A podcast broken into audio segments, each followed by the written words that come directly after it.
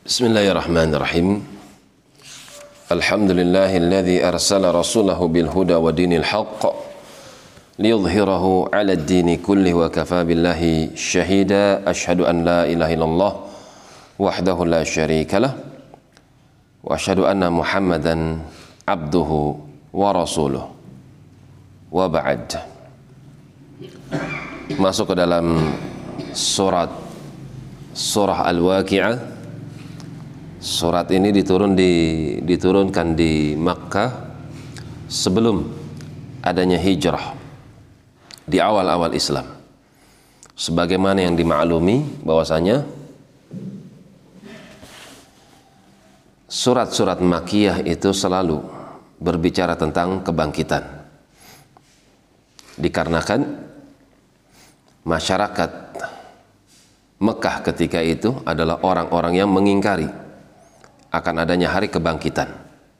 Karena itu ayat ini selalu atau surat-surat yang turun itu selalu mengingatkan mereka akan adanya kebangkitan, mengajak mereka untuk berpikir akan kekuasaan Allah menciptakan sesuatu yang mati dan juga ayat yang sifatnya menakut-nakuti dengan ancaman-ancaman. Bismillahirrahmanirrahim. Idza waqa'atil waqi'ah. Apabila terjadi al-waqi'ah. Al-waqi'ah itu nama lain dari hari kiamat. Kalau dilihat dari susunan bahasanya, katanya waqi' artinya fakta. Hari yang pasti terjadi karena fakta. Laisa liwaqa'atiha kadhibah hari ini atau hari di mana terjadinya hari kiamat adalah hari di mana waktu kejadiannya tidak bisa didustakan. Kata Muhammad bin Ka'ab rahimallahu taala labud an takun. Ini pasti terjadi.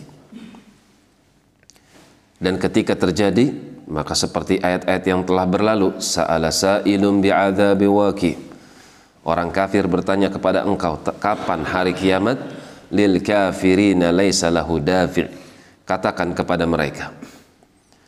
Hari kiamat kalau terjadi, maka sungguh mereka orang-orang yang ingkar tidak akan pernah bisa menahannya.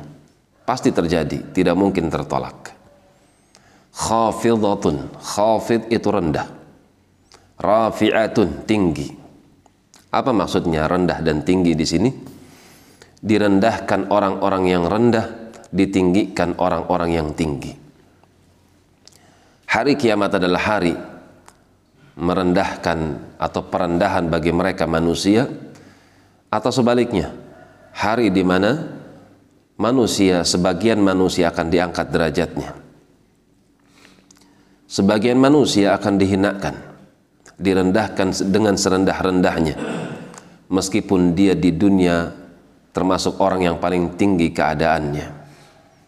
Dan sebaliknya, rafi'atun akan ada sebagian manusia yang diangkat dengan setinggi-tingginya. Di akhirat meskipun di dunianya dia termasuk orang yang direndahkan. Semua kembali kepada iman dan amalan saleh yang dia kerjakan. Ayat ini memberikan pelajaran bagi mereka orang yang beriman untuk menyesuaikan diri dengan keimanan dan amalan solehnya kepada ayat-ayat Al-Quran Al-Karim apakah dia ingin menjadi hamba yang khafidatun direndahkan oleh Allah atau dia ingin menjadi hamba yang rafi'atun diangkat setinggi-tingginya derajatnya oleh Allah siapa yang ingin mendapatkan derajat yang tinggi maka kuncinya adalah di dunia beramallah dia dengan amalan yang saleh pupuk keimanan tersebut dengan ilmu, maka dia akan mencapai derajat yang tinggi di surga. Demikian wallahu taala a'lam bis-shawab. Subhanakallahumma wa bihamdik asyhadu an la ilaha illa أستغفرك وأتوب إليك. تفضلوا بارك الله فيكم.